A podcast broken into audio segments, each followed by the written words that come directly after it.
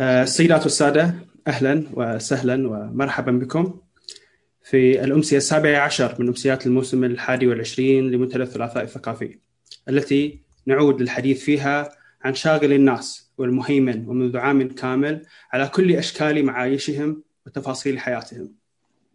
كوفيد 19 كورونا المستجد الجائحة كمام تباعد اجتماعي مترين وخليك في البيت وغيرها من الكلمات المفتاحية الأخرى التي سادت خلال العام الفارط التي تشير لسيطرة الفيروس على الحياة العامة. الفيروس الذي تسبب ولا يزال بالعديد من الخسائر البشرية والتكاليف المادية الباهظة والذي خلف الكثير من قصص الفقر الألم والمعاناة المؤلمة التي لم يسلم من آثارها أحد منا. في المملكة سجلت أول الحالات في القطيف في الثاني من مارس من العام المنصرم لتتبعها تسجيل المزيد من الحالات ثم فرض حالة الحجر الصحي على المنطقة بعدها بأسبوع تبعتها إجراءات مشابهة شملت كامل البلاد والبلاد المجاورة في آخر الشهر ذاته نعود للحديث اليوم مع ضيفنا الدكتور حاتم الهاني استشاري الأمراض المعدية، المدير بمكافحه العدوى في المنطقة الشرقية، ومن الأطباء البارزين في المنطقة في طب الأطفال. وقد وصلت الحالات التي شخصت بالمرض إلى 363 ألف حالة في المملكة والذي تسبب بما يزيد عن 6250 حالة وفاة. أما عالميا فقد سجل ما يقارب 86 مليون حالة إصابة وما يقارب المليوني حالة وفاة. لقاح تطعيم فايزر بايونتك سلالات متحورة أعراض جانبية. كلمات مفتاحية أخرى أصبحت الأكثر تداولا في المرحلة الحالية مع نهاية العام الماضي والاستبشار العالمي بوصول لقاحات ناجحة وآمنة. كان هناك قلق في كثير من دول العالم بسبب الحديث عن ظهور سلالات متحورة من الفيروس تنذر بازدياد المراضة وسرعة انتشار الفيروس. تشهد العديد من دول أوروبا والولايات المتحدة ازديادا واسعا لحالات الإصابة وتطبق فيها إجراءات احترازية متشددة للوقاية من ذلك وحماية للنظام الصحي من الانهيار. حتى اليوم تم استخدام 13 مليون جرعة من لقاحات كوفيد 19 حول العالم وقد سجل في بلدنا ما يزيد عن 700 ألف مواطن ومقيم للحصول على اللقاح منذ بداية الحملة الوطنية للتطعيم في النصف الثاني من شهر ديسمبر الماضي. معنا اليوم الدكتور حاتم يحدثنا عن كوفيد 19 اللقاحات السلالات ويجيب عن الأسئلة ويعطينا من التوصيات. فاهلا بكم جميعا واهلا به. مساك الله بالنور دكتور محمد. مساء النور. آه، شكرا جزيلا على الدعوة. أشكر القائمين على المنتدى الثقافي وأتمنى أن تكون فيها هذه اللقاء المنفعة للجميع. طبعا أنا أريد أن أسس إلى دعوة آه، آه، لا تعني أن إحنا نريد أن ندعو آه، لتغيير رأي أو صناعة رأي حول اللقاح. نحن أو لننطلق أنه لسنا مع أو ضد لكن بالنتيجة نؤسس لمؤيدين للمعرفة الحقيقية مؤسسة على قواعد صحيحة. نؤسس لقاعدة تقوم على الالتزام بأهمية التقييم الصحيح لما نسمع والدعوة على أساس مسؤول لها. آه، الإشكالية الكبيرة أيضا أن إحنا مشكلة المصادر المعرفية المتاحة الآن الغير منظمة والغير منضبطة. وتداخل السياسي والاقتصادي والنفسي هذه كلها عوامل أنا أرى أن إحنا آه، آه، نضعها أمام أنفسنا ثم يرجع القرار إلى كل واحد مننا أن يحدد أين تكمن المصلحة على مستوى الفرد وعلى مستوى الجماعة آه، إذا نبدأ بالشرائح دكتور محمد سلايدات تسمعني؟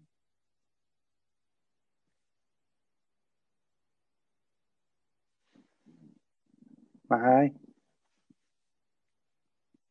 آه، أنا معك دكتور بس يبدو الاتصال عندك شوية شوش آه، لكن الان آه، نسمعك بشكل جيد. طيب. الشريحة الثانية إذا تكرم دكتور. نعم.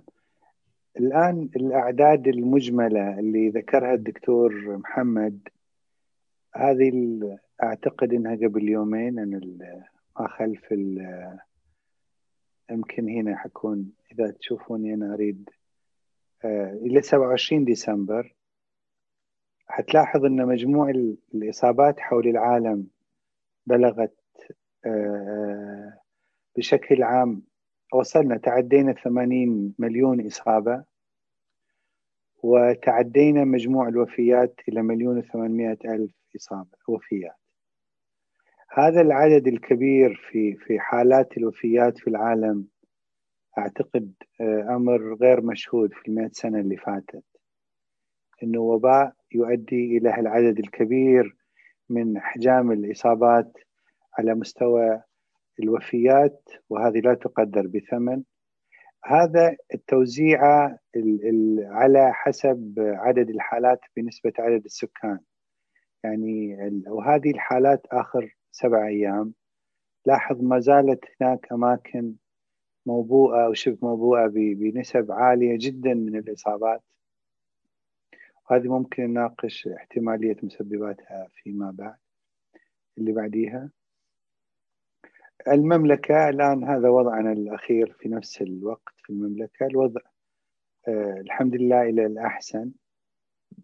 وعدد الوفيات زي ما ذكر الدكتور محمد قاربنا من 6223 حالة معلنة و 380 ألف حالة تقريبا معلنة إلى الآن.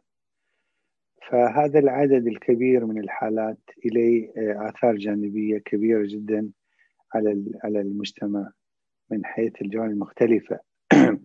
اللي بعديها دكتور محمد آه، آه، لاحظوا هنا أنا أريد أدخل على اللقاحات من هالباب. لأن هذا المجموعة الآن كل طفل من أغلب أطفال العالم طبعا لكن لا أقل من هذا المعتمد عالميا كأساسيات الآن الناس تعطيها. اللقاحات هذه قاعدة بشكل يومي تعطى الأطفال حول العالم وأكثرها وأكثر منها. لكن أقلا حتلاقي العشرات من اللقاحات قاعدة تعطى إلى الناس وما تثير أي انتباه الكثير. لا شك أنه في قطاعات ضد اللقاحات وحتكلم عنها إن شاء الله في في فيما يأتي. اللي بعديها دكتور محمد؟ آه هذه الميكروبات اللي إحنا الآن نستهدفها أو قاعدين نتعامل مع لقاحات لها. آه وأكثر كثير منها نتعامل معها والتحدي الكبير في الوقاية منها عن عن طريق اللقاحات اللي تؤدي إلى غيابها عن عن وجه البشرية إن شاء الله. اللي بعديها طبعا اللقاحات قديمة جدا من القرن السابع عشر أواخر القرن السابع عشر بدأت رحلة البشرية مع اللقاحات واستمرت. الآن لاحظ أنت بين أول لقاح وثاني لقاح كم سنة؟ الآن كنا بدأنا بلقاحات نأخذ مئات السنين حتى ننتقل من المرحلة الأولى إلى مرحلة التطبيق والتأثير بالتالي الفعال. إلى أن وصلنا إلى إلى سنوات والآن الحمد لله نعدها بالأشهر. آه، آه، كثير من من اللقاحات هذه حملت وراءها تاريخ كبير وتاريخ كبير آه، من الإنجاز ومن الفشل ومن النجاح على على مستويات عالية جدا اللي بعديها دكتور محمد. يعني إذا أمكن أن نقول هذا هذا اول طفل آه، تلقى طبعا هذه رسم الصورة حقيقية لكن أيضا الصورة أعتقد إنه في مقاربة لها. تلقى اللقاح ال smallpox وكان هذا اللقاح آه، لطفله هو لقح ابنه. وكان بداية آه، آه، من بداية من هذا ابن إدوارد جينر. اللي بعديها استمرت مرحلة فتح بشري. لاحظ هنا الفرق بين 1920 نسبة عدد الوفيات وإدخال اللقاح كيف غير في تاريخ الدفتيريا مثلا. وهذا شلل الأطفال وأيضا شلل الأطفال كان في معركة كبيرة الجدري آه، أو الحصبة الألمانية. فحتلاقي أنه اللي بعديها تاريخ النجاحات البشرية في القضاء على اللقاحات هذه نسبة الوفيات خلال سبعين سنة. بين الآن ال ال هذه بالآلاف ووصلنا إلى مرحلة الصفر. ال ال وهكذا حتى لا أطيل عليكم. الأرقام بما, بما يصل إلى تقريبا من من 100% آه، نجاحات يعني اختفاء تام إلى بعض الميكروبات وهذا بفضل الله سبحانه وتعالى واللقاحات فقط. اللقاح غير صورة الأمراض التي تصيب الإنسان بما لا يدع مجال من الشك اللي بعديها دكتور. لكن في الجانب الآخر شوف هذه من 1800 كانت دائما في جماعات ضد اللقاح. يعني شوف هذه الرسمة الكاركتير نشرت في سنة 1807 وتصور اللقاح هذا اللقاح على أنه المونستر المرعب اللي حيلتهم البشرية. نفس ال ال ال الإشاعات اللي تثار أنه يراد التقليل من عدد سكان الأرض يراد ويراد وعقلية المؤامرة بصورها هذه لما تسترجع التاريخ هتلاقي أن نفس الصورة تعاد بلغة مختلفة لكن بنفس المضامين أن اللقاحات تستبطن مؤامرة للقضاء على البشرية وتقليل عدد سكان الأرض وما أشكل. اللي بعديها آه هذه هذه اللقاحات أيضا ما يثار عليها ليش تعطى أكثر من جرعة وليش تعطى. الآن اللقاحات طول عمرها كانت نسعى إلى الموازنة بين المنفعة المترتبة ونسبة المناعة اللي تحققها والسلامة المترتبة عن إعطاء الجرعات. الآن على الأقل هذه ويعطى أقل يعني لاحظ أنه دائما هناك في جرعات بحسب إمكانية بناء المناعة وهذا الشيء مو جديد أبدا. الآن هذا يعطى ثنتين لاحظ كل 12 شهر وعلى مثلها فقس. هذه القصة أكيد آه، لما تطلعوا عليها حتلاقوا أنها شيء غير جديد أنك تعطى جرعتين وأكثر من اللقاح. اللي بعديها؟ الآن هذه قصة واقعية في خمسينيات القرن العشرين. هاي قصة أثر تفشي شلل الأطفال على عشرات الأطفال آلاف هذه فقط في الولايات المتحدة. وتسبب هذه أنا أخذتها كما هي منشورة المرض في إغلاق الشواطئ والمسابح ودير السينما والملاعب بشكل كبير جدا. بلغ ذروته في أمريكا كوباء في عام 1952 حيث أصاب خمسة حوالي 57 ألف شخص وأصاب الشلل 21 ألف وأودى الحياة بحياة 3175 هذه نشرها الدكتور ديفيد أوشنكي في كتابه. كان يقول عندما كانت كنت أذهب إلى المدرسة في مدينة نيويورك كان يرى طفل على كرسي متحرك وطفل يضع دعامات معدنية وسترى من حين إلى آخر أن مقعدا في الصف أصبح شاغرا. تعلم أن الذي كان يشغله لن يعود. الرئيس فرانكلين روزفلت سنة 1920 كان عمره 38 سنة أيضا هو أصيب بشلل الأطفال. اللي بعديها دكتور؟ هذه صور مؤلمة نتمنى أن لا تتكرر. أنا الحمد لله الآن قربنا على انتهاء شوط الطب ولم نرى أي حالة من الحالات شلل الأطفال. هذه الحالات أعتقد أن لما تصل درجة السيطرة عليها بالكرة الأرضية 100% بسبب شيء واحد فقط وهو بسبب اللقاحات. اللي ما زلنا نرى أنه من يشكك ويعارض فيها موجود. الآن أولئك الذين لا يستطيعون يتذكر الماضي محكوم عليهم بتكراره. أنا أتمنى أن نحن نستفيد من الماضي ومن تجربة السابقين حتى لا نتكرر تتكرر المآسي مرة أخرى. واللي بعديها الآن في نموذج إحنا استفدنا منه كثير في تجربة ال ال الكورونا وهي الإنفلونزا الفلو حق الإسبانيش فلو الإسبانية اللي أصابت الأرض في سنة 1918 اللي بعديها.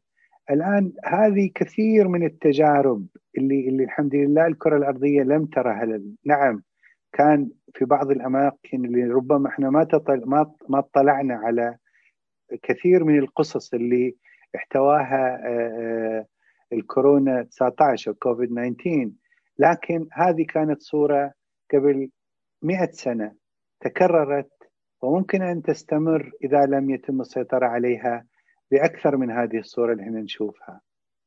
الوفيات بلغت اللي بعدها اللي في في الإنفلونزا الأسبانية هذا أحد الدكاترة نشر آه، فيكتور فوغن يقول رأيت المئات من الرجال الأشداء الذين يرتدون الزي العسكري يدخلون عنابر المستشفى.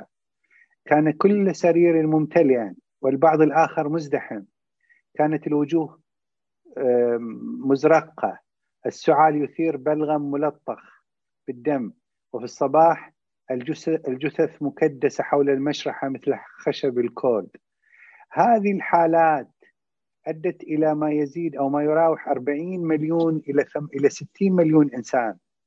هذه الصورة اللي الحمد لله لم نعيشها هذه المرحلة أنا أعتقد آه، جزء كبير منها يعزى إلى الاستفادة من تجربة الفلو الأسبانية وكيف وظفتها.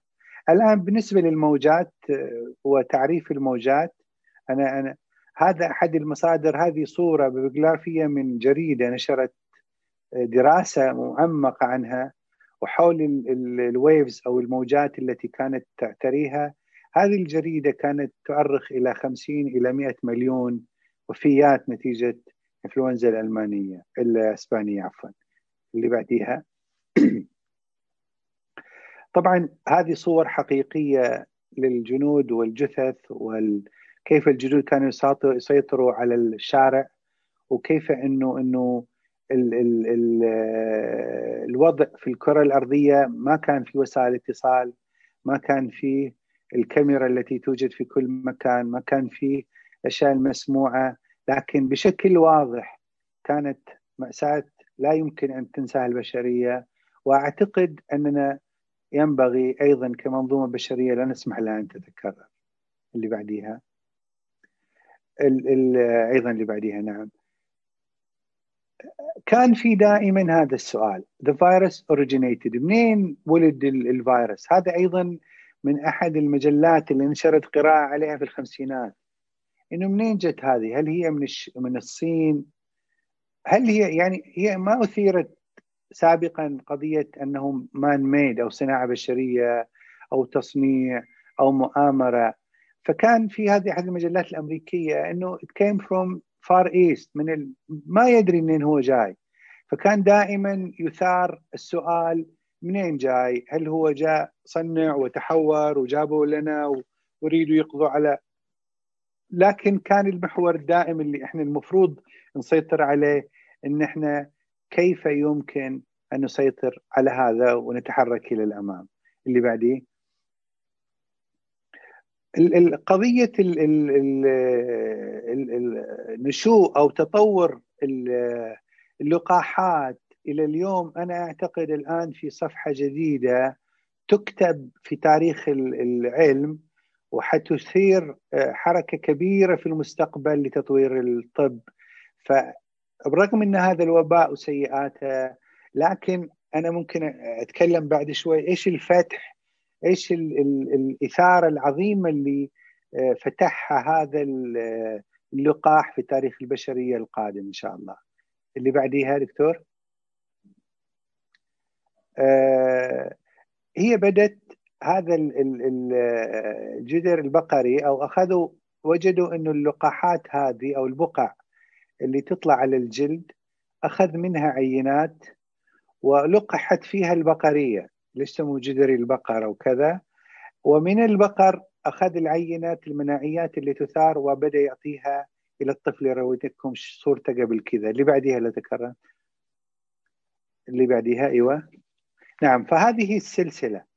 وبدأ تطلع من من اللقاحات عن طريق الوسيط هذا. هذه في البداية. أخذت عشرات السنين حتى إنه يكون الوصول إلى إلى تطبيقات الحية إلى هذا اللقاح اللي بعديها معلش وبدت بعديها تجي انخفاض أو غياب تام إلى ال smallpox من البشرية من بين 1920 إلى 210 هذه هذا التاريخ العظيم تم اختصاره الآن في خلال سنة واحدة من خلال التطور والتراكم المعرفي لين وصلنا للمرحلة اللي إحنا فيها. اللي بعديها الله يعافيك.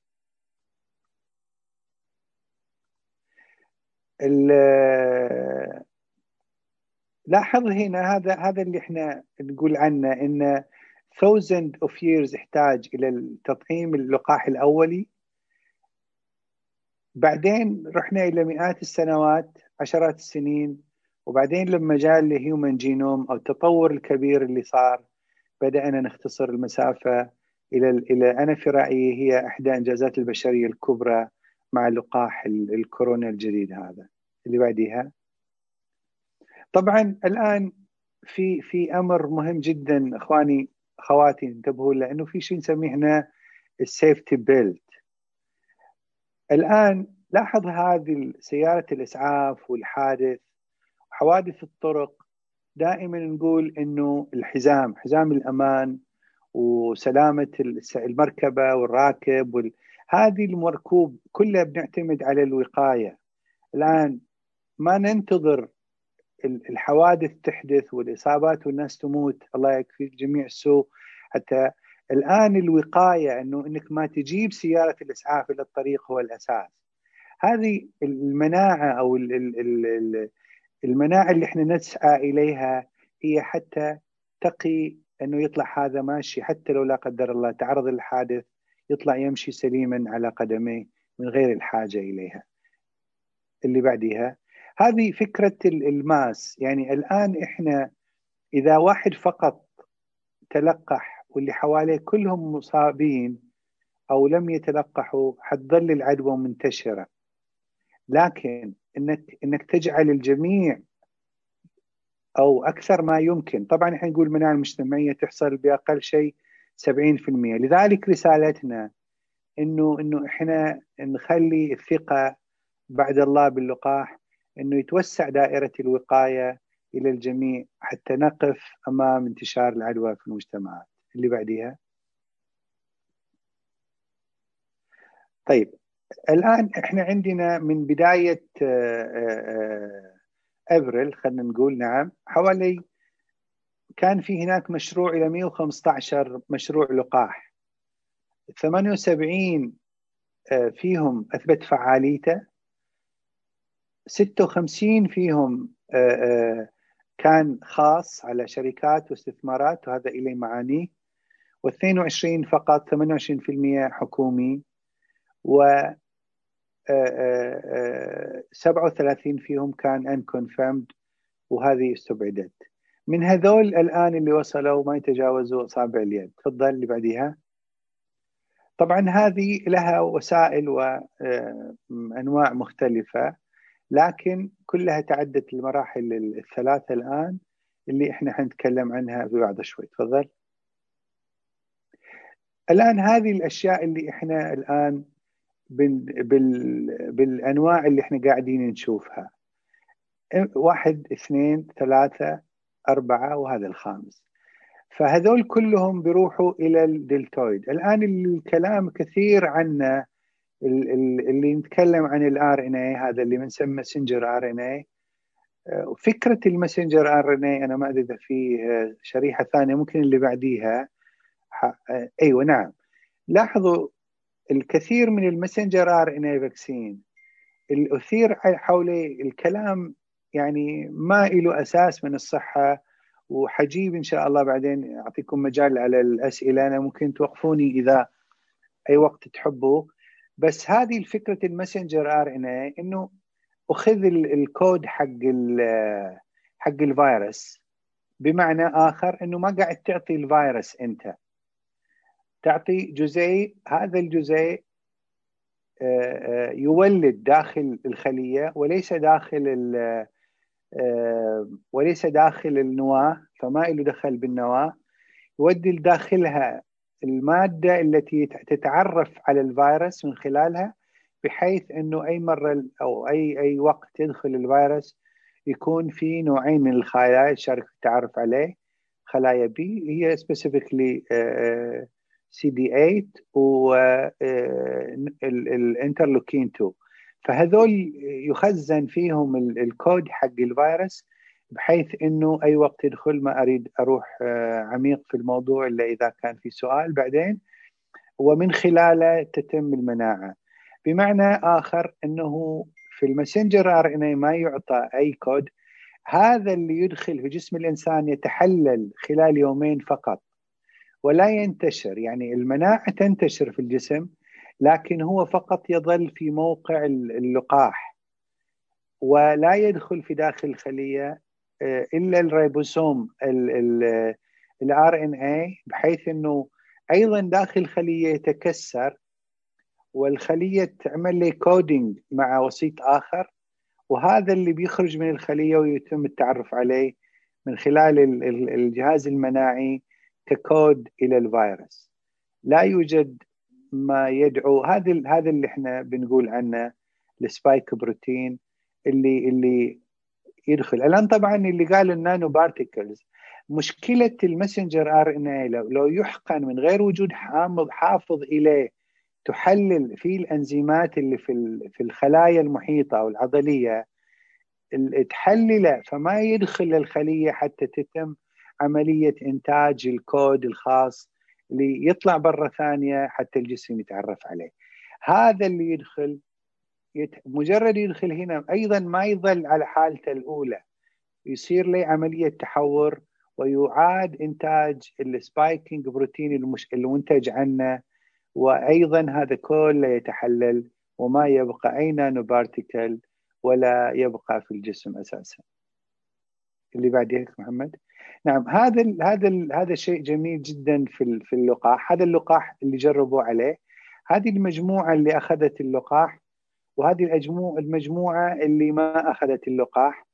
هذول كلهم هذول جاهم الكورونا هذول ولا واحد منهم جاء الكورونا تقريبا. فهذا ال هذا ال بعد الجرعة الأولى وهذا بعد الجرعة الثانية. فلاحظ حتى بعد الجرعة الأولى من اللي أخذوا الجرعة ما حد فيهم أصيب والحمد لله. لكن حتى يستمر اللقاح 100 يوم وإن شاء الله أكثر من كذا إلى سنة إذا وصل لسنة شيء جميل جدا. وما في لقاح في تاريخ البشرية عطى تغطية بنسبة 95% ابدا. الآن هذه التقنية حتستخدم أو هي سابقا يعني استخدمت في علاج بعض أنواع السرطانات. وهذا الفتح الكبير اللي إحنا سعيدين فيه حيطور كثير من كفاءة اللقاحات. ممكن نصنع فيه آه، لقاحات إحنا كنا تمثل بالنسبة لنا تحدي كبير في المستقبل إن شاء الله. اللي بعد دكتور محمد. آه، طبعا كمل الشريحة. هذه هذه الخطوات اللي كل كل اللقاحات كانت تمشي إليها من البداية إلين النهاية. هذه اتبعت الآن إحنا بهمنا كثير انه يكون سيفتي انه يكون آمن وانه يكون فعال. هذه الحلقة اللي كانت تأخذ عشر سنوات الآن آه، أخذت سنة. ال identification of candidates يعني إحنا شخص العائل وخلال أسبوعين من التعرف على الفيروس في الصين الصينيين شخصوا الجينوم وحطوه اونلاين خلال أسبوعين وبدأت الأبحاث لل coding وما أشكل. فكثير الآن طبعا عمل آه، آه، عمل خطين متوازيين للتسريع. خط إنتاج وخط آه، تجريب أو خط فحص. وطويت الفترة الزمنية بمقادير أنا أعتقد ربما تكون تسجل في التاريخ بشكل بشكل حقيقي جدا. اللي بعديها؟ الآن هذه الخطوات دي ان اي تو بروتين هذه الخطوات كلها لا تمثل الفيروس. زي ما قلنا هذا يعيش فقط يومين في جسم الإنسان والبروتين ماله لا يمثل أي ضرر على الإنسان زي أي بروتين. أيضا هذا البروتين فقط يهتم بالكود ماله ويتحلل فيما بعد. اللي بعديها؟ الآن أنا أشبه لكم بهذه. الآن سابقا قبل الواي فاي كنت تحتاج توصيلة بين الطابعة وبين الشاشة أو الجسم اللي أنت تريد تطبع عنه. لاحظوا هذا افترض إنه ال DNA ال D أو ال representing حق الجسم. فأنت الآن بالواي فاي ترسل message والطابعة تطبع من غير وجود الجسم اللي أنت تبغى تصور على الطابعة. هذا قريب جدا اللي صار مع ال messenger R اللي بعديها دكتور محمد هذا كله يصير داخل الخلية بس مش داخل النواه اللي بعديها. هذا الرايبوسوم اللي اللي نجيبه وهذا ال antigen. يعني هذا الفيروس representing إحنا رسلنا شيء يدل عليه. خلينا الرايبوسوم يتعرف عليه اللي بعديها. هذه ال nucleus هذه هذه ال الكود مال الإنسان موجود هنا. هذه العمليات كلها تتم في السيتوبلازم. حتى هذا يحتوى ويكسر بعدها ويعاد صياغته مرة ثانية بصيغة مختلفة تماما. هذا يتحلل. ينتهي يعاد تمثيل الكود ماله ويخرج حتى تتعرف عليه الجهاز المناعي وهذا اللي قاعد يصير. الآن هذه تبدو مبسطة جدا لكن هذه الكومبلكسيتي الإنتاج هذا العلم اللي وصل فيه هذا شيء خرافي إنه يوصل بهذه الطريقة. اللي بعديها؟ هذا اللي بنسميه بال... زي لا معلش أرجع لي هذيك اللي بيخافوا منه النانو بارتيكلز واللي صارت عليه صوز أنت ما تقدر تقلي مثلا لا يتخرب الدجاج تسوي له ريسيبي تحط عليه بقسمات ولا تحط شيء حتى تقليه. هذه العملية مجرد أنت بعدين آه، في الجسم هذا الإنكود هذا هو اللي حطيناه على الغلاف هو الليبيد نانو بارتيكلز. لما تحط عليه يحلل الجسم. فكل تسويه تدخله بهالطريقة حتى توصل إلى ال إلى ال إلى ال إلى الخلية. ما يقدر يخترق الخلية إلا بوجود هذا الحامي إلى. بس هذا الحامي يتحلل مجرد دخوله إلى الخلية هذا. اللي بعدين محمد. فهذا اللي صار هذه استعرضناها الصورة من قبل. ال ال لاحظ إنه الجينوم هذا اللي اللي قاعدين شفنا صورته ثلاثة بليون دولار صرفت فقط للجينوم. 200 lab في الولايات المتحدة و18 lab حول العالم في في دول العالم الأخرى وأخذ حوالي 13 سنة من 1990 إلى 2003 طبعا المملكة كانت أحد الدول اللي شاركت في الجينوم البشري اللي اللي كان إعلان عنه. بدت هو طبعا أعلن عن آه، البنش ماله بال 2000 لكن استكمل ب 2003 تفضل. اللي بعديه؟ لاحظ إنه ال human genome 6 بليون base ال fruit fly 123 مليون base ال E. coli هذا هذه مهمة جدا للباحثين يعرفوها. 5 مليون base بينما الكورونا هذا كوفيد 19 30 ألف base pair base اللي بعديها. طبعا الفايزر اللي عندنا جرب على حوالي خمسين ألف أو بالضبط أعتقد واحد وخمسين ألف. والحمد لله أثبت فعالية في الجرعة الأولى بحوالي 52% وبعد الجرعة الثانية بنسبة 95% طبعا المضاعفات موجودة. طبعا من طبيعة اللقاح إنه يجرب على على على أجناس مختلفة وأصناف مختلفة. طبعا استثنى منه الأطف... استثني منه الأطفال ونساء الحوامل ونساء طبعا جرب ورجال وما آه، وجد أن المضاعفات فقط ألم في موضع الحقن. يصير صداع وشوية آه، fatigue ضعف. وهذا بالعادة يروح خلال يومين فقط. اللي بعديها دكتور. آه، في كثير من الأمور اللي أثيرت حوله أنه بيغير ال DNA وهذا غير صحيح تماما. أنا اترك لكم للحوار. أنه using fetal tissue هذا غير صحيح. لم يطور في fetal tissue أنه أنه ناس كثير حتموت آه، من اللقاح وهذا كلام غير صحيح تماما. لأن أنت لا تعطى كوفيد 19 أساسا. إنه بي بي بيسيطر على الأرض وبيحطوا لك microchip في داخلك وبيراقبوك وما أدري إيش. هذا كله كلام ما هو صحيح اللي بعديها. أعتقد إنه هذا قاعد يراقبنا أكثر مليون مرة. ما يحتاجوا للفيروس ولا لل vaccine حتى يراقبوك. لأن everything traced في يدك وفي جيبك والجوجل والفيسبوك وهذول مؤدين الغرض بشكل ما يحتاج إلى غيره الحمد لله. اللي بعديه آه، آه، طبعا آه، لا اللي بعديه أنا هذه غلط. المضاعفات مالته أو أحيانا اللي تستدعي عدم الدخول إليه أو إعطاء اللقاح اللي ناس عندهم صار مضاعفات من أنا طبعا الشريحة اللي قبليها كنت كاتب فيها مكونات اللقاح. اللي الأشخاص اللي عندهم آه، لقاح مضاعفات من لقاحات سابقة أو مضاعفات شديدة من مكونات اللقاح. هذه هذا الأساسي اللي ماسنجر إن اي وهذه أنواع ال lipid بالأساس هذا آه، توليبربيثينول جليسور هذا موجود في الأساسي. وال salt وال sugar وال buffer potassium chloride هذه الأمور المذابة ال chemicals sodium chloride ملح يعني ال dibasic sodium phosphate والسكروز هذه كلها فقط المكونات اللي ممكن إن الناس منها اللي بعديها. الآن اللي عندهم اللي بعديها دكتور الأشخاص اللي عندهم آه، آه، مضاعفات حصلت من من مكونات لقاح سابق هي اللي نخاف منها اللي بعديها.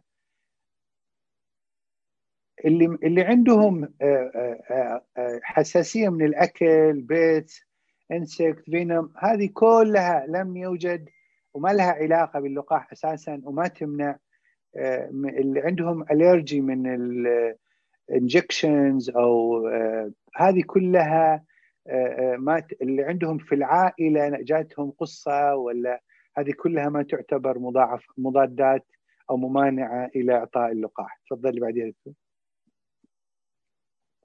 أعتقد انه إنه إحنا كيف نعرف أن اللقاح فت... أتمنى أني أجبت على الأسئلة لماذا يجب؟ هل هناك تقنية جديدة يتم استخدامها وهل ذلك شكل خطورة؟ هذا المستعجل وتعريف الإنتاج المستعجل أثرنا إليه إنه الخطوات كلها اتبعت ولم يعمل لها أي فيوليشن هل ستظل بحاجة إلى ارتداء القناع؟ ما هي الآثار الجانبية المتوقعة؟ ماذا كنت هذه أتركها إلى الحوار وأسئلتكم الكريمة. أنا أكتفي بهالقدر وشكرا جزيلا على استماعكم. أعتقد أني أخذت أكثر من الوقت ولا لا؟ أعتقد يعني انتهيت بشكل مناسب دكتور. أجبت في هذه الرحلة على كثير من التساؤلات.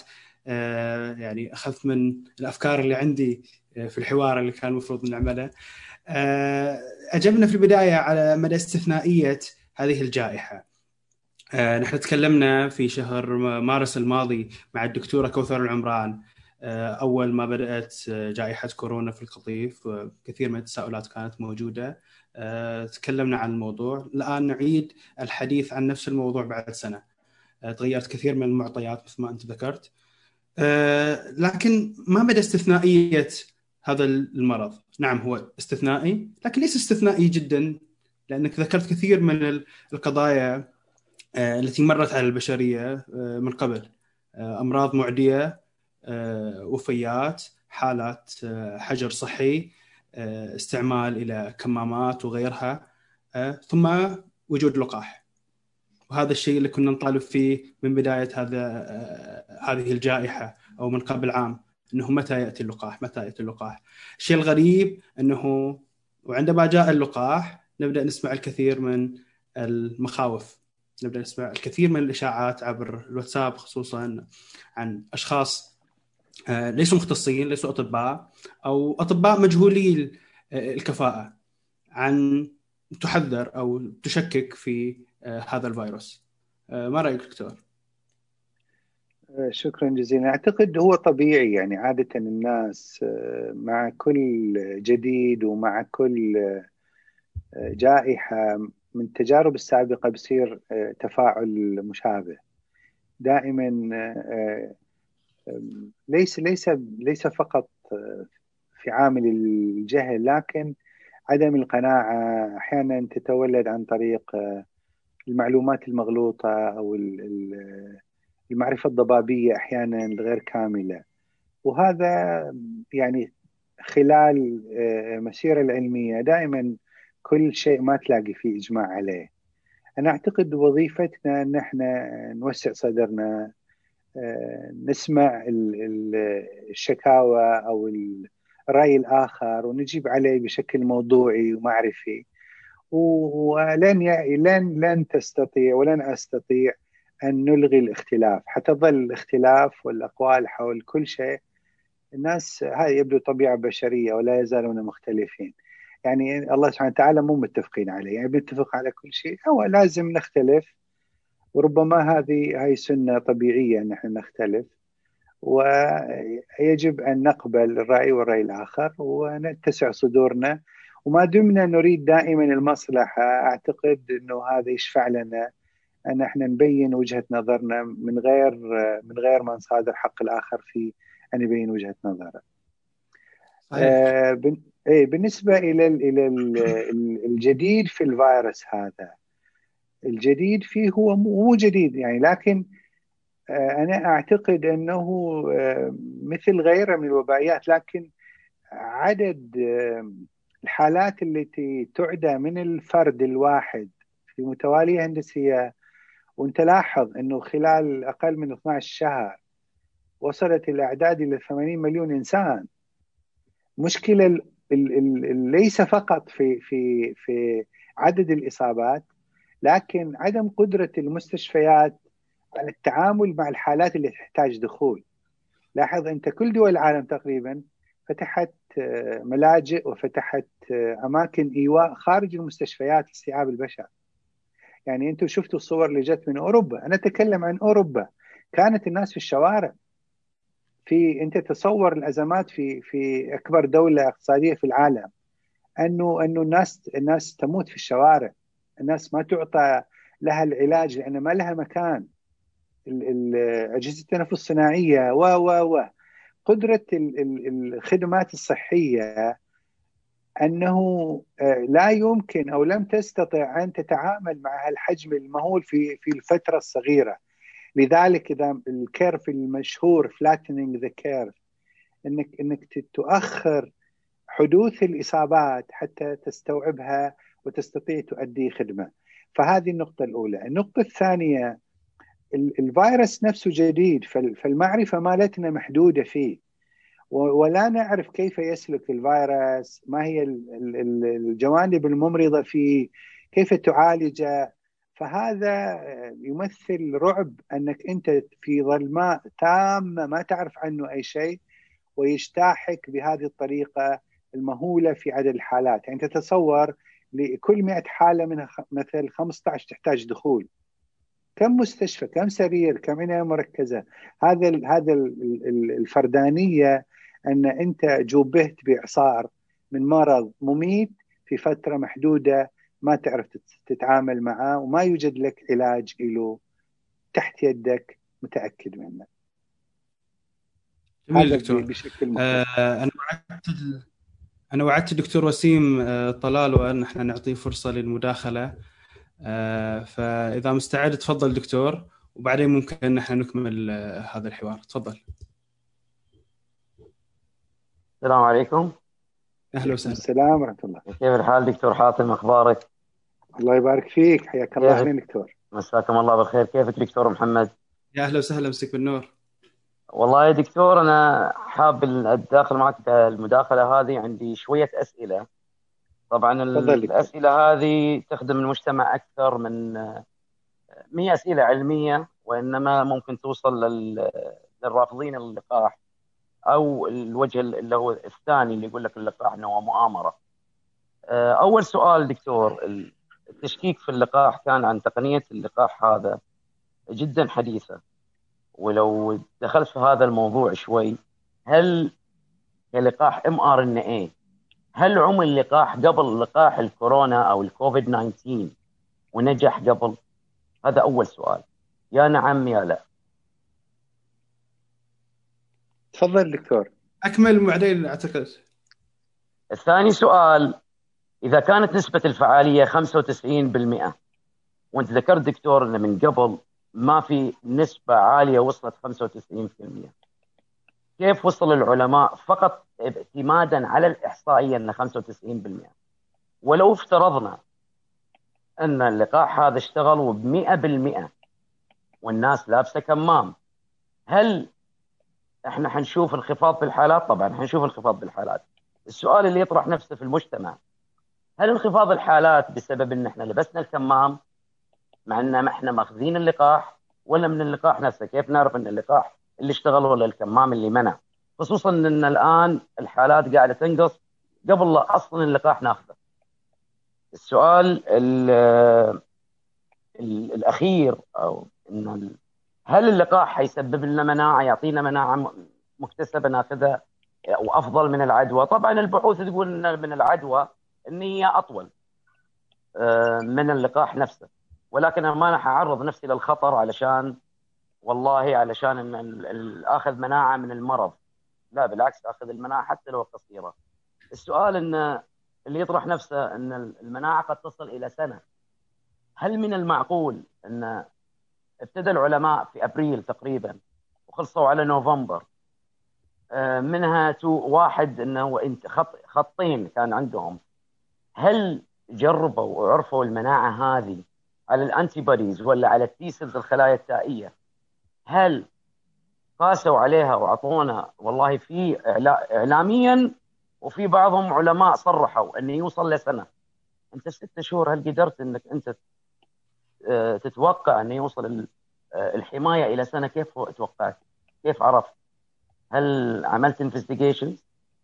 هنا السؤال اللي يطرح نفسه وفي ست شهور وانت تقول المناعة توصل لسنة للآن. يعني أنا أتوقع أتوقع ان تسرعوا في هذا الشيء. هذه الأسئلة فقط اللي عندي اللي تخ... أيوه معاي دكتور؟ أيوة هذه أيوة فقط طبعا. الأسئلة اللي عندي. هذه شكرا. الأسئلة اللي عندي اللي ممكن تشك... تشكك باللقاح. شكرا لك. أنا أعتقد انه يعني الدكتور وسيم يسأل سؤال العارف. ورمى علينا الكثير من القنابل من بداية اللقاء. يعني أنا قلت نخلي الإشكالات شوية لين ما يعني نحمي النقاش. طيب إيش رأيك ناخذ ناخذ بعد ناخذ مداخلات بعد. خلينا ناخذ مداخلات إذا مستعدين. الأستاذ نادر أه، تفضل أستاذ نادر. السلام عليكم. عليكم السلام ورحمة الله. حياك الله دكتور. شكرا جزيلا دكتور على هذه المعلومات القيمة. أنا سؤالي آه، هو يختصر في موضوع اللقاحين. أنا أخذت اللقاح الأول والحمد لله قبل يومين تقريبا والآن أنتظر إلى حد يوم 20 عشان أخذ اللقاح الثاني. آه، أنت ذكرت إن اللقاح الأول آه، يعطي 50% واللقاح الثاني 95 أنا ما كان عندي هذا التصور لأن ما ما كنت أدري. آه، بس أنا ما ما يعني ما هو فاهم ليش وش معنات 50 وش معنات 95 وليش لقاحين؟ ليش مو لقاح واحد انتهى الموضوع؟ هذا سؤالي وشكرا جزيلا وما قصرت دكتور حاتم. شكرا أستاذ نادر أهلا. أنا راح أخذ مداخلة ثالثة بعدين نسمع جواب الدكتور. الأستاذة سلوى تفضلي إذا مستعدة.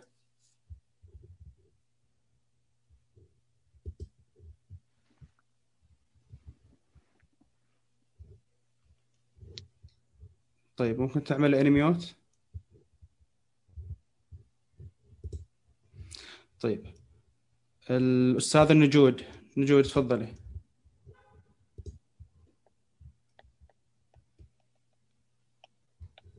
السلام عليكم. عليكم السلام أهلا وسهلا. آه أنا عندي سؤال بخصوص اللقاح. آه إحنا نعرف إن اللقاح أساسا ككورونا تصاب بالناس اللي يعد مناعتهم جدا ضعيفة. فلو نقول إنه في مجموعة ناس نوعية مناعتهم ضعيفة أخذوا اللقاح. تأثير اللقاح عليهم حيكون كبير ولا ضعيف؟ بالنسبة للناس لا مناعتهم جدا قوية. آه هذا أول سؤال ثاني سؤال. آه اللقاح لو مثلا أعطيناه للناس اللي صابوا كوفيد 90 أو 20 حتتأثر ولا لأ؟ نفس نفس الفاعلية حتكون ولا هي لا يختلف عن الثاني؟ طيب حلو. شكرا نجود. آه نرجع لك دكتور. إيش رأيك دكتور حاتم؟ طيب. نعم. نبدأ من الأول. أوكي. الدكتور طلال و الآن بالنسبة إلى السؤال الأول حول أنه تشكيك على تقنية اللقاح آه، وأنه هل قبل استخدم أم لم يستخدم؟ طبعا هو دائما السؤال هذا اللي يثار أنه حول كل جديد هل أنه جرب طبعا اللقاح هذا أو تقنية ال messenger RNA ال messenger ال molecular base تجارب حولها في الستينات بدأت يعني بالضبط بال 1966 بدأت كثير من التجارب حولها. وكانت ال ال ال في الجوانب اللي تعمل على ال cytogenetic levels وعلى مستوى ال molecular وكانت الفكرة أن في توظيفها في الأمراض اللي لها علاقة بالسرطانيات الله يكفي جميع السوء. ودخلت بشكل قوي جدا من بداية 2012 2013 فالبحوث التمهيدية فيها ليست جديدة. التطبيق بشكل بال... على الفيروس على ال vaccine بشكل حقيقي على ال messengers هو جديد لا شك.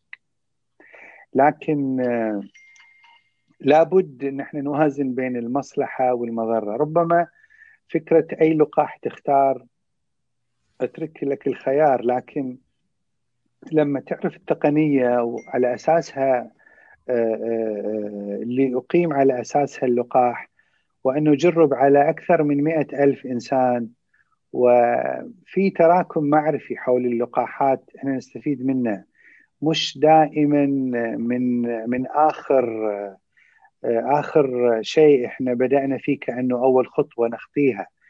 التراكم المعرفي للقاحات طويل وبالإمكان الاستفادة منه وهذا المفروض إن نستفيد منه.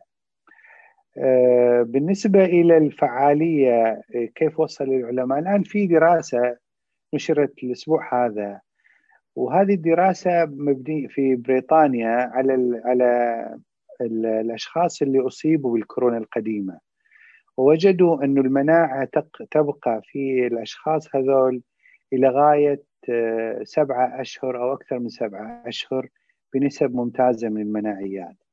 أعتقد هذا الأمر جدا مهم إن إحنا ننتبه إنه التشكيك في في في فعالية اللقاح غير حقيقية خصوصا إن إحنا قاعدين الخيارات مالنا محدودة.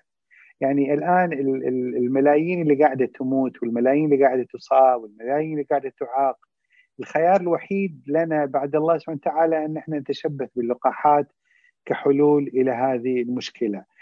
نسبة 90% من الفعالية جربت من خلال الحالات اللي جرب عليها اللقاح وأعطت آه، فعالية قوية فيه ومن خلال الدراسات على مئات الآلاف من الأشخاص اللي يجرب عليهم.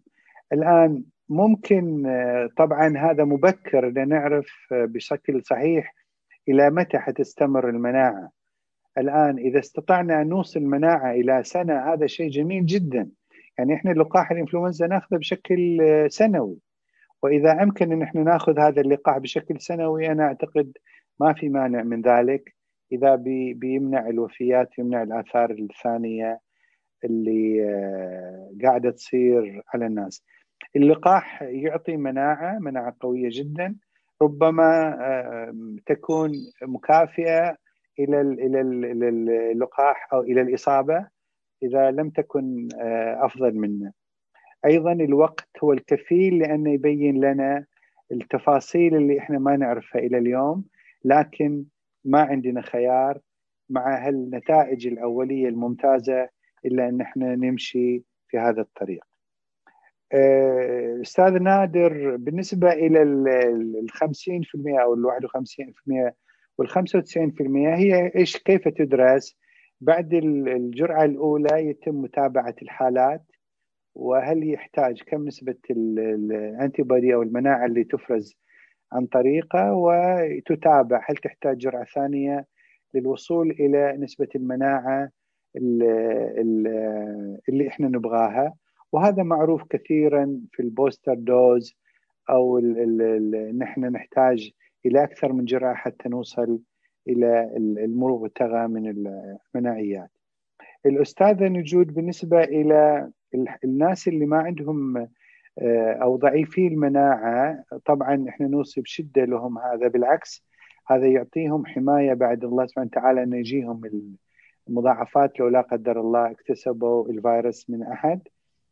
اللي أصيبوا طبعا آه، مشكلة أيضا إحنا ما ندري هل كل اللي أصيب تكونت خصوصا اللي اللي ما عندهم أعراض أو اللي الأعراض البسيطة. وما ندري كم آه، نسبة المناعيات اللي بقت في جسمهم وإلى أي مدى آه، تستمر. فلذلك إعادة التطعيم للمصاب يمكن هم مو أولوية نعم لكن نوصي بإعطائهم إلى اللقاح بعد مرور 90 يوم فترة انخفاض المناعيات اللي اكتسبوها من خلال الفيروس. أكتفي بهالقدر أتيه المجال للأسئلة أكثر. جميل دكتور. في أسئلة أكثر بس آه عشان نكون غطينا آه موضوع اللقاح بشكل جيد. آه أعتقد من الواضح الآن أهمية آه هذا اللقاح. آه، فعاليته آه، أثبتت وذكرت الأدلة عليها آه، الأمان والدراسات التي أيضا ذكرت عنه ممكن نتكلم دكتور عن الفئات الأولوية بشكل خاص اللي فتحت لهم وزارة الصحة المرحلة الأولى للتطعيم وأيضا الفئات المستثناة من اللقاح. وطبعا إحنا نتمنى إنه الجميع ياخذ اللقاح بكل أمانة. لكن التحدي الحقيقي للبشرية الآن كيف يتوفر اللقاح لكل أحد. لذلك تسارع الدول يعني لذلك أنا أعتقد هذا يحسب بشكل كبير إلى الجهات الرسمية في المملكة أنها وفرت اللقاح من أوائل الدول في العالم، يعني إحنا حتى سبقنا أوروبا نكاد نكون ثاني دولة في العالم تطبق اللقاح. وهذا مكسب كبير للناس للأسف نتمنى إنهم يتعرفوا عليه. اللقاح هذا هو متاح إلى كل الفئات ما عدا الأطفال والنساء الحوامل. أنا شخصيا أرى أنه حتى نساء الحوامل اللي هم high risk اللي ممكن يتعرضوا إلى الفيروس ممكن يعطى لأنه ما في ما في ما يمنع اعطائهم اليه إذا قارناه باللقاحات الثانية. يعني هو ما تعطيهم أنت لا live attenuated لا تعطيه لا فيروس ولا فيروس مضعف ولا killed فيروس فما في موانع إنك أنت تعطيهم اللقاح. أنا في رأيي إنه أي امرأة حامل أيضا في مناشر كثيرة توصي بنفس هاي التوصية ال high risk pregnant women ممكن ياخذ اللقاح وحيكون مأمون بإذن الله تعالى. لكن officially رسميا ما يوصى فيه للنساء الحوامل والأطفال. ما عدا كذا أيضا الناس اللي صار لهم anaphylaxis شديدة أو تفاعل شديد مع مع لقاحات سابقة ما يوصف فيهم. الفئات الأخرى مع وجود الاحتياطات ممكن يعطوا بدون تحفظ. يعني الآن فترة الملاحظة اللي بتشوفوها إنه اللي بيعطى اللقاح يجلس ربع ساعة إلى ثلث ساعة يراقب تحت المراقبة الطبية لو لا قدر الله صار أي مضاعفات تكون آه، في الفترة الأولية. وتاريخيا ومعروف علميا أنه أكثر مضاعفات اللقاح تحصل في أول الأيام وكل ما أبعدت عن فترة اللقاح انخفضت جدا إمكانية حدوث مضاعفات لا قدر الله. جميل دكتور. آه، أعتقد آه، أعتقد في قضية ثانية أيضا آه، مهمة في هذا الخصوص إنه الجانب اللي ما يخاف من أخذ اللقاح لكن اللي يقلل من خطورة مرض كورونا نفسه. تقريبا 80% من اللي انصابوا بفيروس كورونا انصابوا بأعراض آه، خفيفة mild آه، infection آه، ما ما احتاجوا أي رعاية طبية مثل الإنفلونزا الموسمية أو أقل بالنسبة إلى تجاربهم. فما يعتقدوا إن هم يحتاجوا يبادروا لأخذ هذا اللقاح. يعني ليش أنا أتعب حالي وأطلع الظهران وأسجل في الموقع؟ إذا إنه هو يعني أقل من الإنفلونزا. هو هو فكرة إنه الناس اللي اللي اللي الشباب أو الناس اللي فيت في المرحلة هذه ما حيضمنوا لكن نوصي بشدة إنه يطعم الجميع قدر الإمكان طبعا بالإمكانيات. الآن في تحدي كبير للشركات المنتجة للقاح كيف توفر إلى العالم؟ يعني المليارات البشر اللي تسعى إلى اللقاح هذا التحدي الحقيقي. الآن مع الوقت متوقع جدا الناس حتقبل اللقاح. لأنه حيشوفوا إن الناس الحمد لله تاخذ اللقاح وما قاعد يصير لهم شيء. الآن ملايين بدأت تاخذ اللقاح. فحيتعودوا الناس وحتمتص الخوف الغير مبرر هذا من خلال الممارسه اللي حيشوفوها على الواقع. حي حي حيتلاشى هذا التخوف الغير مبرر. وهذا معروف ومجرب ومتوقع إنه المبادرين هم اللي حياخذوا السبق إن شاء الله والآخرين حيتبعوهم بإذن الله تعالى. إلى الان حوالي 13 مليون جرعة دكتور استخدمت حول نعم. العالم نعم. والدراسات يعني لا تزال آه، مطمئنة. أعتقد أيضا مجال آخر هو أنه كل ما زاد عدد الناس اللي ياخذوا اللقاح بإمكانهم أنهم يحموا مجتمعاتهم الآخرين الموجودين معهم في المجتمع سواء اللي ما تنجح معاهم المناعة سواء اللي ما راح يروحوا بسبب آه، آه، أخذهم إلى أدوية مناعية أو أي أسباب أخرى تمنعهم من أخذ اللقاح. لا شك لا شك. نعم. secondary protection حيكون؟ نعم. طيب دكتور خلينا نتكلم الحين عن السلالات المتحورة. في قلق جديد الآن حول العالم آه، بسبب ظهور سلالات متحورة اولا في بريطانيا سمعنا عنها. تم إغلاق أو حظر السفر من وإلى بريطانيا لفترة. سمعنا الآن عن سلالات متحورة في جنوب أفريقيا. وقاعدة توصل آه، هذه السلالات المتحوره إلى كثير من دول العالم. آه، ما مدى خطورة استثنائية هذه السلالات المتحورة؟ طبعا هو ال ال أيضا أيضا الأمر هذا يحتاج إلى تفصيل في أعتقد الوقت ضيق لكن خليني ألخص لك الموضوع أنا لا أرى أو أو لا أقل الشواهد في بريطانيا اللي هي المكان اللي سجل فيها أنه آه، آه، غير غير غير ذات يعني اللي كان الانطباع الأول إنه التفشي قاعد يزيد. يعني نسبة انتشار الحالات أكثر من الكوفيد 19 لكن ضراوة الفيروس ما تختلف كثير عنه. وما سبب حالات زيادة في في في الضغط كبير على المستشفيات أنا ما عندي أرقام آه، ممكن أزودكم فيها. لكن هذا الكونسبت اللي قاعدين نشوفه من خلال الزملاء في بريطانيا أو من خلال النشرات انه إنه ما وصل إلى حالة الرعب. الشيء المطمئن بشكل كبير الحمد لله إنه اللقاح الموجود الآن ممكن يغطيه بشكل فعال. الشيء الثاني إنه إمكانية تصنيع مع وجود تقنية الموليكولر هذه وجود وجود نفس التقنية بإمكانك تصنع أي سترين جديد حتصنع له بشكل سريع وهذا الشيء المطمئن إن شاء الله بشكل كبير. جميل جميل دكتور. يعني أعتقد إنه مبكر هذا القلق المبالغ فيه. طيب ما هو نعم. سبب آه، ازدياد الحالات الآن في أوروبا وفي الولايات المتحدة؟ آه، عدد كبير جدا آه، الآن بعد ما وجدنا انخفاض في منطقتنا في الحالات هناك زياد في تسجيل الحالات في أوروبا وأيضا في الولايات المتحدة. هو طبعا ال ال أكثر من فاكتور لكن تعرف هذا موسم أعياد وموسم إجازات وجاهم أكثر من مناسبات دينية ومناسبات آه، وطنيات وهذه اللي يعتقد إنه السبب الأول إنه الناس بدأت بالإضافة انه بدأوا يسووا ايزي يعني بدأوا يتراخوا في اخذ الاحتياطات. وأوروبا تأخرت في إدخال التطعيمات. واللي فيكم يتابع حيلاقي انه إنه في آه، أسئلة توجه إلى إلى الجهات الرسمية في فرنسا وفي بريطانيا في تأخرهم في توزيع اللقاحات وإدخال اللقاحات والاجتماع البرلماني الأوروبي اجتمع أول أمس أعتقد لإقرار اللقاح نتيجة الضغط الشعبي والحالات اللي قاعدة تشتكي من الرغبة في تسريع توزيع اللقاحات على العالم. الآن هل ال climate أو تغير الجو اليه اليه أثر we don't know بس بس it's multifactorial يعني في أكثر من من عنصر تداخلت حددت هذه. الآن من طبيعة الفيروس نفسه إنه يتغير. يعني كل ما يصير له division و multiplication ممكن يغير في ال sequence ماله.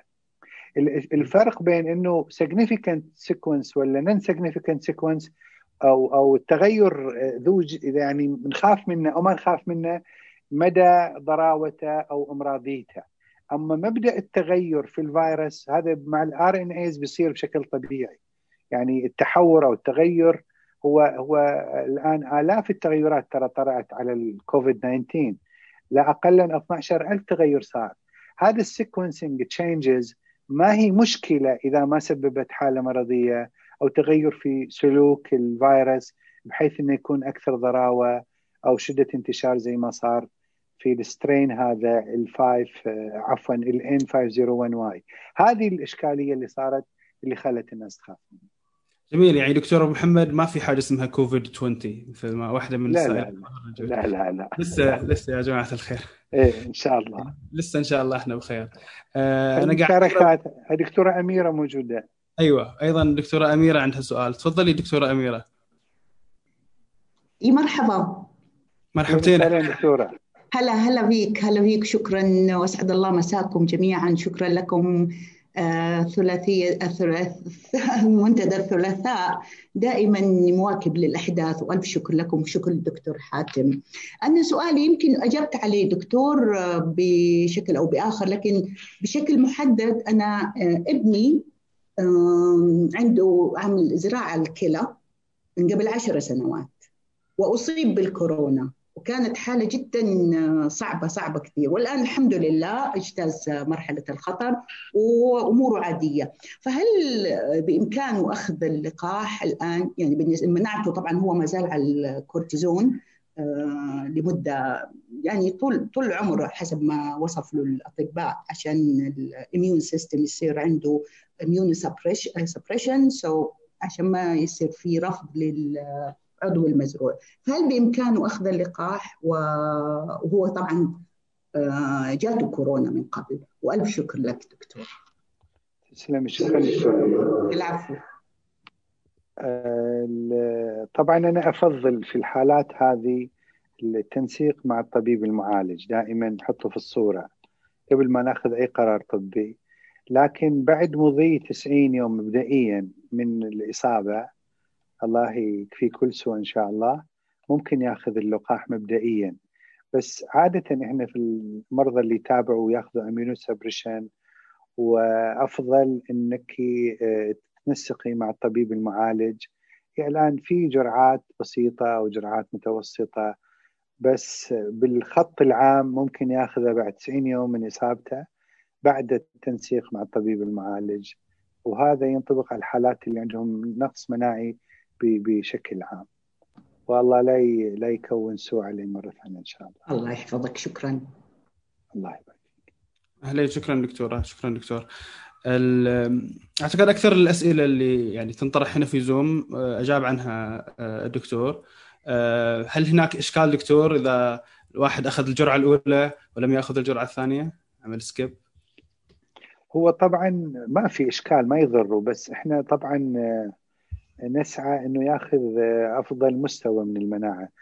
هو حتى مع السؤال اللي إحنا دائما نقول للناس إنه هذه ال 95% ما حتكون 95% على الواقع. يمكن تنزل ل 90% يمكن تكون حتى أقل. لأنه لأنه كل ما وسعت الانتقال اللقاح من مكان إلى مكان الادمنستريشن في عناصر تدخل حتى تأثر على فعالية اللقاح. ف يعني أنت لا لا تأخذ الريسك. لأن في بريطانيا قاعدين يدرسوا لو تغير اللقاح من حرص الناس على إنهم يأخذوا الجرعة الثانية؟ إنه هل نقدر نأخذ اللقاح الأول من شركة واللقاح الثاني إلى شركة ثانية؟ هذا الآن يدرس وحتى الجهات العلمية تعطي توصية فيه. يعني الناس من كثر حرصهم على أنهم يأخذوا الجرعتين حتى يوصلوا إلى مناعة كبيرة. أنا أتمنى من الله أن لا يريكم مكروه لكن لو تشوفوا معاناة واحد متعافي أنا أتمنى هذا ينقل تجربته كيف مر بمعاناه قد مؤذي الوضع وكيف إنه يعني بلطف الله طلع منها. وجود اللقاح اللي يبعد الضرر إن شاء الله بإذن الله عن الناس. هذا هذا جدا شيء مهم إن إحنا نفكر فيه لأنه ما عندنا خيار بديل. الآن كل الأدوية لم تجد فعالية. اللقاح هو الوحيد بعد الله هو الامل إنه يكفي البشرية شر هذا الوباء الكريم. جدا جدا مهم دكتور هذا الكلام. يعني خصوصا مثل ما ذكرنا 80% صحيح كانت عندهم أعراض خفيفة لكن حوالي 20% كانت عندهم أعراض يعني شديدة. وأيضا حتى بعد التعافي من الفيروس كانت عندهم مشاكل مستمرة لعدة أشهر ثلاثة أشهر ستة أشهر من أما أعراض فقدان الشم إلى حتى أعراض أكثر زيادة خطر إصابة بالجلطات كفانا الله وإياكم الشر فيعني الإنسان ما ينظر فقط إلى ال 80% ينظر إلى احتمالية ال 20% الاصابه بعوارض فعلا خطيرة وتؤثر أيضا حوالي 2% اللي يعني وصلوا إلى حالات الوفاة فأعتقد أي تقليل من هذه الأرقام هو مجدي محاولة أخذ اللقاحات. نعم لا شك. جميل دكتور.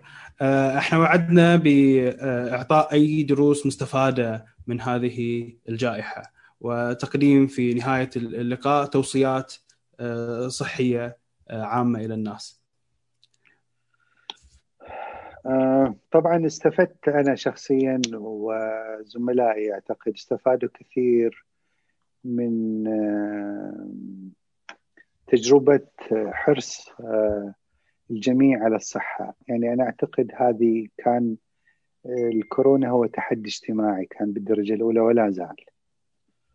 والتحديات الاجتماعية تبين أو تعكس مدى وعي المجتمع والتزاماتهم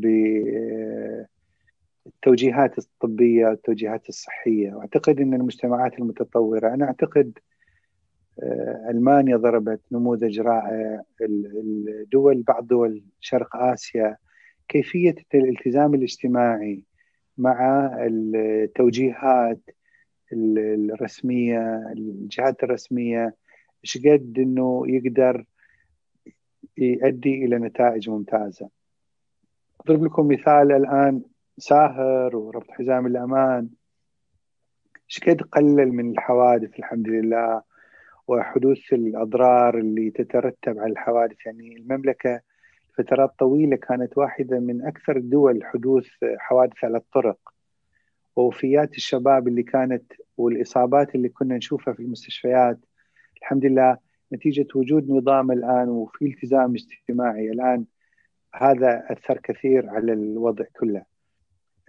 تجربة كورونا يعني المعايير الثلاثة الأساسية اللي الناس جربوا نفسهم يلتزموا فيها التباعد الاجتماعي والكمام التزام بالكمامات وغسيل الأيدي. شقد كان لها أثر إيجابي على تقليل حالات الوباء؟ المملكة سجلت حالة من أفضل حالات النجاح على مستوى العالم. وهذا النتاج أيضا يعزى أكيد إلى إلى بزخ وكرم الدولة في الصرف على الخدمات اللي قدمت في جميع المستويات لمواجهة الوباء. لكن أيضا المجتمع واستجابة المجتمع وتكاتف الجهود أدى إلى هذه النتيجة، اذا هذه هذه مهمة جدا بالنسبة لنا. المهمة الثانية سرعة التدخل والاستجابة السريعة في مواجهة الجوائح أمر هام جدا. وهذا اللي صار تستبق أنت الأحداث تستبق إذا تستفيد من تجارب الآخرين وتوظفها بشكل سريع وعاجل في خدمة واقعك وتطوير واقعك. الاستعجال في في متابعة المستجدات وعدم الانتظار والتطويل والتردد والعزيمة والسبق إلى إلى إلى المبادرات الناجحة بعد دراستها وتمحيصها إلى آثار الإيجابية جدا على على الصحة بالذات اللي إحنا قاعدين نتكلم فيها. تكوين منظومات معرفية داخل البلد وداخل المحيط الآن وأتكلم عن المستوى الخليجي مثلا أو المستوى العربي والمستوى العالمي. الاستفادة من المنظومات الدولية ومنظمة الصحة العالمية التواصل والتفاعل ومتابعه المستجدات بشكل ليس فقط يوم بشكل ساعة. وهذا أمر مهم جدا في في تطويرك المعرفي وتحويلها إلى إلى أداة فعالة. ثلاثة عناصر بالتالي نحتاج إلى معرفة وهذه وظيفتنا كلنا معرفة مستنيرة معرفة صحيحة. نحتاج إلى إمكانيات وهذا الدولة الحمد لله موفرت لنا إمكانيات مهمة جدا. والثالث العنصر الثالث تطوير درجة الالتزام بالمعرفة وحماية المكتسبات. هذه الثلاث العناصر أنا في رأيي هي أهم تجربة أهم استفادة من التجربة. تطوير المعرفي استحداث واستجلاب الإمكانات والعنصر الثالث الالتزام التزام الالتزام. جميل جميل جدا دكتور. أعتقد إن هناك أيضا وجه إيجابي اذا لهذه الأزمة آه، المريضة اللي مرينا فيها. أعتقد أو أتمنى انها طلعنا منها أقوى آه، أذكى أكثر حكمة مثل ما نعم. ذكرت بالعلم والحكمة المستنارة. لا زالت هناك بعض الأسئلة دكتور الناس مع إن إحنا جاوبنا لا زالت تسأل عن الأعراض الجانبية للقاح، هل هناك أعراض جانبية للقاح؟ كل شيء له أعراض جانبية دكتور الناس في. يعني بعض المجتمعات خصوصا الآن في الخليج آه، تعمل كثير من عمليات الفيلر آه، تعمل كثير من الإجراءات آه، يعني شبه الطبية أو التجميلية اللي تدخل فيها الكثير من المواد داخل أجسامهم. الكثير من الناس يدخنون في منطقتنا الكثير من الناس يستهلكون مواد غذائية أو عادات غذائية غير صحية. تناول الكثير من السكريات المشروبات الغازية وغيرها. آه، ما هي الأعراض الجانبية للقاح الآن؟ أقل من الكوكا كولا طبعا. ال ال ال الآثار الجانبية للقاح هي الآثار الموضعيه أنا أخذت الجرعة الأولى. الآثار الجانبية اللي سجلت هي بشكل عام صداع ممكن والصداع يحدث مبكر بعد أخذ اللقاح. بعض الناس تجيهم ألم في موضعي آه، احمرار أو انتفاخ بسيط في موقع اللقاح سجلت بعض حالات الغثيان وأيضا في ارتفاع درجة الحرارة.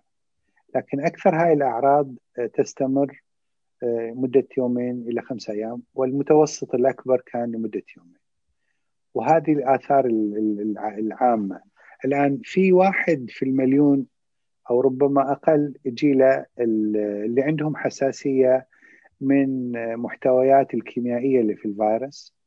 وهذه أيضا تحدث خلال الفترة الأولى من بعض اللقاح يعني خلال العشرين دقيقة الأولى لذلك يحرص الإخوان في الانتظار في في أماكن الانتظار ما بعد اللقاح. اللي فيكم راحوا الصالات في صالة انتظار ما قبل اللقاح وفي صالات انتظار ما بعد اللقاح. في فريق طبي أنتم يمكن ما تشوفوا اللي راحوا الإخوان يلاحظ جميع اللي ينتظروا في انتظار ما بعد اللقاح. في في الكورنر في أطباء واقفين وفي طاقم طبي مستعد لأي حالة لا قدر الله تحدث يتم إسعافها بشكل طارئ في سيارات إسعاف لو لا قدر الله موجودة أيضا لنقل الحالات لم تحدث أي حالة لكن هذا الإجراء تم اتخاذه وهو على الأرض الآن. ممتاز. الدكتورة أميرة تقول أنها أيضا أخذت اللقاح اليوم الساعة 3 وأيضا تشعر بشكل جيد. الكثير نعرفهم أخذوا اللقاح ويشعرون بشكل جيد. لا يشعرون بأي أعراض. هذا الدكتور حاتم قدامنا يبدو أنه لا يشعر بأي أعراض وقدم محاضرة جدا جميلة اليوم. بعض الأسئلة أجبنا عنها أيها الأعزاء عن سن أخذ اللقاح. آه، لا يزال اللقاح غير مرخص للرضع أو الأطفال. آه، وفي السعودية يعطى فقط آه، لفوق 18 سنة صحيح دكتور؟ نعم لا يزال لدينا حوالي يعني طبعا خليني محمد أقول كلام عن هذا الموضوع يعني بالنسبة إلى عدم ترخيص اللقاح للأفراد اللي أقل من 18 سنة أو 16 سنة أو النساء الحوامل بالذات لأنه كإجرائي هذا الإخوان اللي بيتكلموا عن السيفتي أو ما أشكال إنه إذا لم يجرى التجارب المرحلة الثالثة على آه، هاي عينات فهي لا تضمن ضمن المستهدفة حتى وإن كان اليقين إنه ممكن ما تتضرر منه. الآن بالنسبة إلى إلى بعض اللقاحات الثانية نعم جربت ويوصى باستخدامها إلى الفئات هذه والآن أعتقد إنه بادين آه، في تجارب على هذه الفئات ف ف آه، هذه هذه تقنية وليس حقيقية المخاوف هذه مو فاع مو شيء جرب ووجدوا إنه ضار. لم يجرب ولذلك يحذر يحذر من إنك تستخدمه من غير ما تجرى التجارب عنه. بعد ما تستكمل التجارب ويثبت الأمان راح يدعى الفئات اللي لم يشملها لأن يشملها اللقاح. وهذا زيادة في الحرص وحتى الناس تطمئن انه إنه هم مأمونين اللي ينتجوا اللقاح على صحة الناس وحياة الناس. طبعا مهمه هذه الطمأنينة. يعني متابعة نظريات المؤامرة هو يعني أمر متعب يعني ما أنت لا تستطيع أن تجيب عن يعني جميع آه، هذه الأفكار المرتبطة بطريقة غريبة آه، والإجابة عنها بطريقة علمية.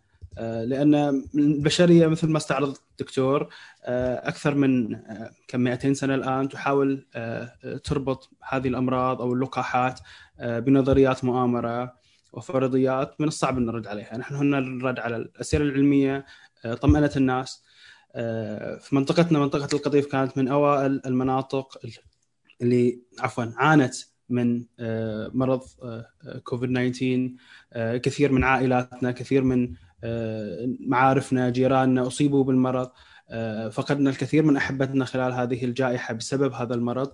والآن لدينا آه، حزام الأمان مثل ما ذكر الدكتور. اعراضه الجانبية أقل من الكوكاكولا وأقل من الكبسة والمندي التي يأكلها الكثير من الناس. هناك أمل كبير الآن بدأ يتجدد. فأعتقد الأولى بالناس في المملكة العربية السعودية وبالخصوص في منطقتنا بان يسارعوا للتسجيل يسارعوا لقبول هذه الدعوة آه، للحصول على اللقاح. آه، أعتقد أمس أمس أول أمس كنت آه، في منزل أحد الأقرباء وكانت احدى العزيزات كبيرة في السن. فقول لها حاول أنصحها إنه ليش ما تروحي تاخذي اللقاح؟ هي عندها ضغط دم عندها مشاكل صحية.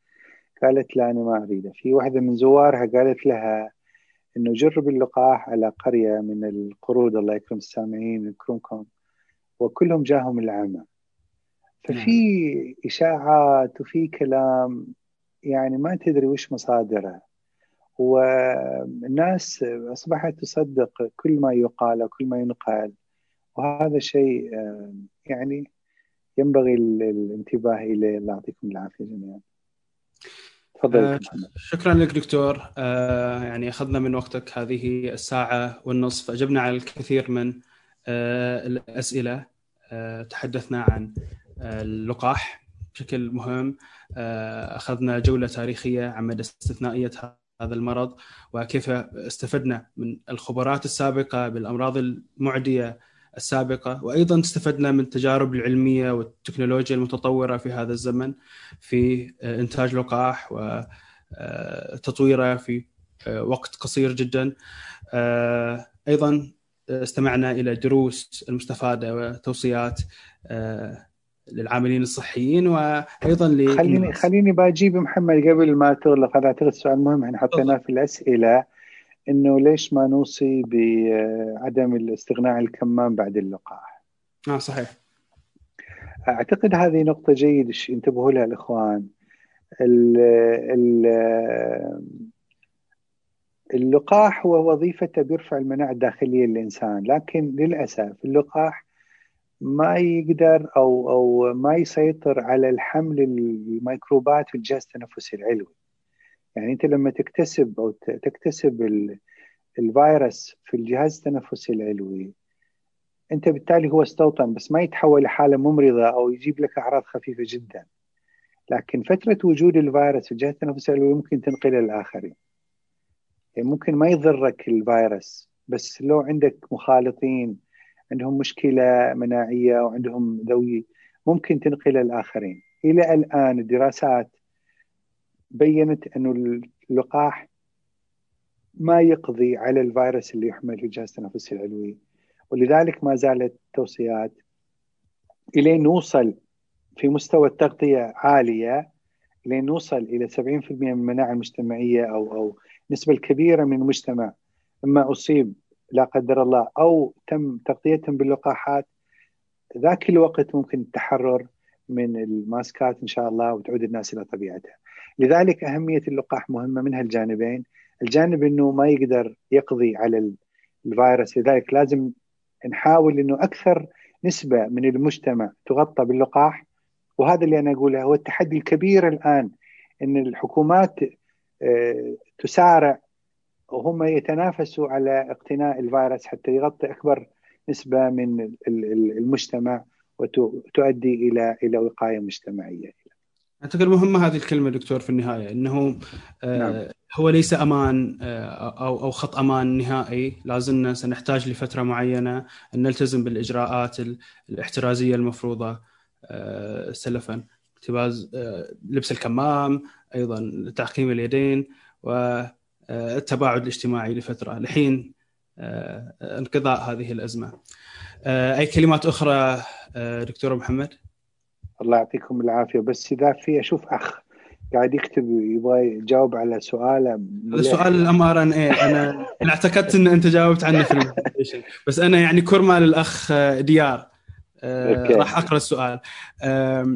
يقول حسب ما فهم أن اللقاح آه، عبر ال mRNA يوعز للخليه بإنتاج آه، الشوكة. فيقوم الجسم بإنتاج هذه الشوكة على قشرة خلية الجسم. ثم يقوم الجسم بإنتاج أجسام مضادة هل من الممكن أن تهاجم الأجسام المضادة المنتجة في الجسم آه، بمهاجمة الشوكة وحدها أم أنها قد تهاجم الخلية المصنعة للشوكة أيضا؟ okay آه، ال autoimmune reaction هو يقصد ديار يمكن آه. آه. نظريا ممكن ديار بس بس هذه very remote possibility يعني نادرا ما تصير هاي الحالة يعني هذه ال spike protein اللي الجسم آه، بي بي آه، بيواجهها هذه ال spike protein بيتعرف عليها عددها محدود جدا وما ما ما صار آه، يعني انه بتحول هي ك ك كوسيلة لل autoimmune reaction نظريا ممكن لكن عمليا قليل حدوثها جدا. لكن آه، أعتقد آه، إنها يعني ما في evidence كافي عليها. لا توجد ما يثبت إنه ممكن آه، تصير. بس بس نظريا هي concern أمانة بس غالبا احتماليتها جدا قليلة. أعتقد دكتور هالتكنيك استخدم في يعني في لقاحات أخرى. يعني هذا مو أول مرة هذا التكنيك. إي نعم إي نعم إي نعم. بس بس كف هو هو ال monoclonal antibody تقوم عليها الفكرة. وال monoclonal antibody وميزة ميزة ال mRNA هذه إنها آه، أعوذ بالله من الشيطان الرجيم إنها very specific وهذا بيقلل احتمالية إنه بتسوي ال auto antibody يعني مشكلة ال auto antibody كل ما أعطيت more antigens يصير more confusion يعني لو أعطيت الجسم يمكن هذا detail شوي. 5 representing proteins أكثر من S مثلا HF اعطيته أكثر من بيصير ال confusion وممكن تصير self un self recognition وتصير ال auto anti auto antibody reaction autoimmune reaction بس لما أعطي very specific antigen one single antigen بقلل كثير احتمالات ال auto ال auto antibodies أو ال autoimmune reaction لذلك آه، آه، كل ما كان specific كل ما قللت احتمالية ال autoimmune reaction اللي بتصير. دكتور يتحدث عن الإشكالات أو أعراض أو احتمالية الأعراض المناعية آه، التي قد تنشأ من ردة فعل الجسم عن هذا اللقاح. نعم. كما ذكر الدكتور هي آه، نظريا ممكنة لكنها يعني نادرة جدا ولم تحدث لحد الآن، لم تسجل حتى في نعم. اللقاحات شبيهة. وهو آه، هذا هو ال principle إن أنت كل ما أعطيت more antigen ممكن تصير non specific reaction اللي منها ال auto anti أو الـ auto immune reaction كل ما كنت specific قللت احتمالية الـ auto immune reaction بشكل كبير جدا. فأنت قاعد تعطي one single specific antigen اللي على أساسها إنك يوجمنت الـ possibility of auto immune reaction بس نظريا ما حد يقدر انها ممكن لكن تكون قويه جدا جدا. جميل دكتور.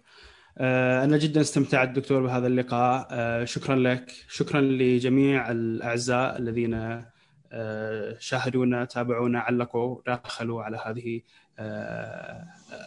الندوة. هناك الكثير من المختصين الصحيين أيضا شاركوا معنا أو تواجدوا في خلال هذا اللقاء. نشكرهم. كثير من الأكاديميين والاخوه والأخوات. شكرا لكم. شكرا لك دكتور حاتم. ونلقاكم الأسبوع القادم. شكرا لرسالة منتدى الثلاثاء شاكر ثقتكم وشكرا للمشاركين و... ودائما إحنا بخدمتكم الله يعطيكم العافية وشكرا جزيلا. الله يحفظك. كل التقدير لك. الله يبارك فيكم حياكم الله. تصبحون على خير. في أمان الله. تصبحون على خير. في أمان الله.